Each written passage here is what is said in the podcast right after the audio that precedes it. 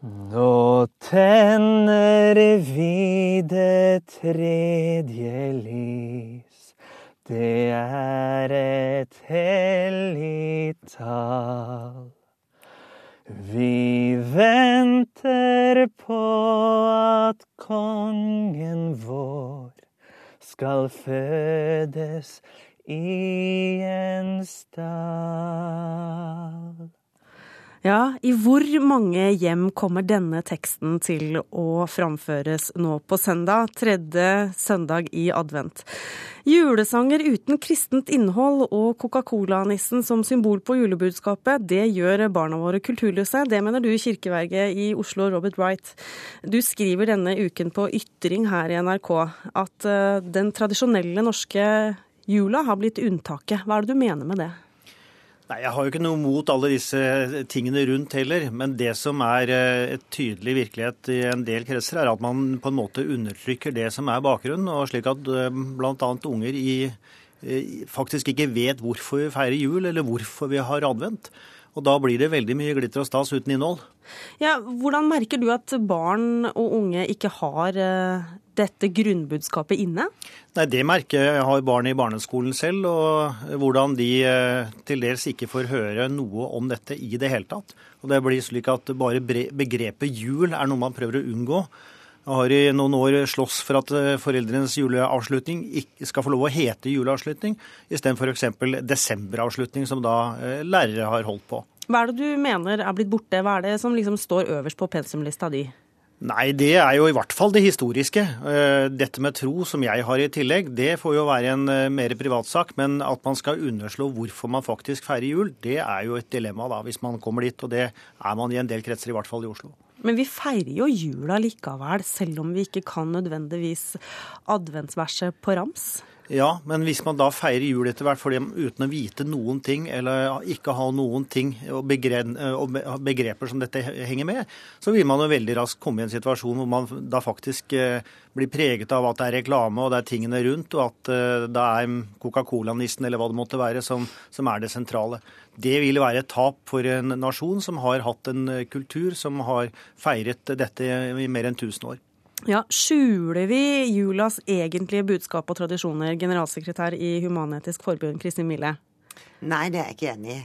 For det første så, så har jeg lyst til å si at uh, man er ikke kulturløs fordi om man ikke får med seg det religiøse budskapet. Re kultur er mye mer enn religion. Og, og, jeg vil ikke kalle meg kulturløs fordi om jeg sitter her uten en religion. Når det, når det gjelder dette med å, å skjule budskapet, så tenker jeg at ja, det er en utfordring for kirken, det å tydeliggjøre sitt budskap. Men jeg mener jo helt klart at eh, å feire jul, det har man gjort i Norge før kristendommen kom. Og det har man fortsatt med, og det er en god og lang tradisjon som jeg tror mange, mange deltar i. Så vet vi at det er noen som ikke feirer jul, og det er både blant kristne og blant ikke-kristne. Og, og, kanskje folk også med andre religioner. Men jeg vet også at folk med andre religioner også feirer jul. Eh, Sånn at jeg syns det blir feil å si at dette er eh, en kulturløshet. Um, og det, det store vi uh, her, samfunnet, er jo det samfunnet vi til enhver tid har. Og nå i våre dager så er dette samfunnet veldig mangfoldig. I motsetning til hva det var når jeg var barn, hvor det var mer likt. Og hvor det kanskje var enklere på mange måter, fordi da, da kommer vi fra den samme kulturbakgrunnen. Det gjør ikke barn og heller ikke voksne i dag. Så, Men er du ikke enig i at det kan bli en litt sånn forflatning av det hele, og det at man på en måte ikke ser verdien av å, å, å ha den kulturbakgrunnen som, som, tross alt den kristne kulturbakgrunnen er, selv om man ikke er personlig kristen? Nei, altså For det første vil jeg jo advare mot å si at det er viktig å ha vår kulturbakgrunn. Jeg tenker det er like viktig å ha andre kulturbakgrunner. Uh, Men når det gjelder dette med forflatning, så tenker jeg at det har vært en problemstilling gjennom mange år som ikke jeg tror har noe med hvor religiøs man er å gjøre. Det har noe med at vi er, lever i et forbrukersamfunn. Vi, vi hauser opp, for å si det sånn, den siden av jula som dreier seg om gaver og, på en måte forbruk. Eh, det kan man godt snakke om, tenker jeg, men det kan man snakke om uten å være innom religion, for det gjelder nok i like stor grad den delen av norsk befolkning som er religiøs, og den delen som ikke er det. Ja, Blander du begrepene litt her nå? Altså at Det, det ene er den kommersialiseringen og forflatningen, og det andre er det kristne budskapet som du ja. mener forsvinner? Du har, men du har begge deler, og det er to forskjellige debatter. Det tror jeg er veldig viktig å holde opp. Eh, og Jeg påstår heller ikke at uh, hvis man ikke har en tro, så er man kulturløs. Det er jo ikke det det går på. Men det er jo noe med dette er vår kulturarv. Og så, som jeg sier, tro, troselement eller ikke, det er noe annet. Og så er det også en møte med alle de nye kulturene. Eh, og så skal man da lage de barna som bor i Oslo eh, særlig, da, for det er de som møter mest flerkultur. Eh, de blir, de blir ikke flerkulturelle av å ha alle mulige kulturer rundt seg. De blir kulturløse hvis vi ikke gir dem et kulturinnhold. Og, nå snakker jeg kultur og ikke tro og religion, men dette er, eh, har også vært knyttet sammen. Så vil det ta litt ulike veier. Og da tenker jeg at jo, altså Human-Etisk Forbund har jo også vært verdensmestere til å ta vare på en del av disse kulturelle tradisjonene. Og har laget alternativer f.eks. For, for konfirmasjon og slike ting.